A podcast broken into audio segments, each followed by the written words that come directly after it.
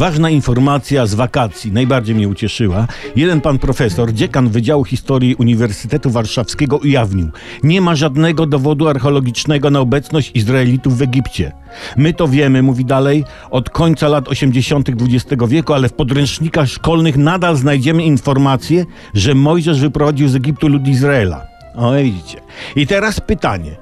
To w takim razie, jaki naród wyprowadził Bóg z Egiptu, jeśli nie Izraelitów? Tak, nie mylicie się.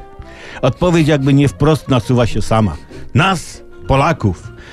I to my jesteśmy narodem wybranym, z czego podświadomie zawsze zdawaliśmy i zdajemy sobie sprawę, prawda? Pan Bóg trochę później żałował tego wyboru i rzucił nas między Niemców i Ruskich, nie?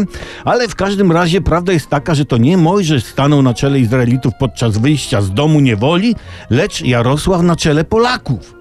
No i trochę się Jarosław z nami błąkał w kółko po tej pustyni. No, wiadomo jak to na pustyni. No, nie ma obiektów orientacyjnych typu sklep żabki, typu pani w brązowym płaszczu, prawda? Tylko orleny, ale one takie same, żadna wskazówka. No i Pan Bóg sobie włosy z brody rwał, jak zobaczył, że Jarosław zdejmuje pelerynę i arkę przymierza. A, a reszta stawia parawany, żeby ich nikt nie widział. No dobrze, ktoś powie, ale jakie są dowody na obecność Polaków w Egipcie wtedy? Bardzo dużo. Jest tam w okolicy morze białe i czerwone. Nasze barwy. I nasi wywieźli z egipskiego wybrzeża mnóstwo muszli. Mnóstwo. Możemy, słuchajcie, możemy zatem być dumni, że jako Polacy daliśmy się wyprowadzić na pustynię przez Jarosława.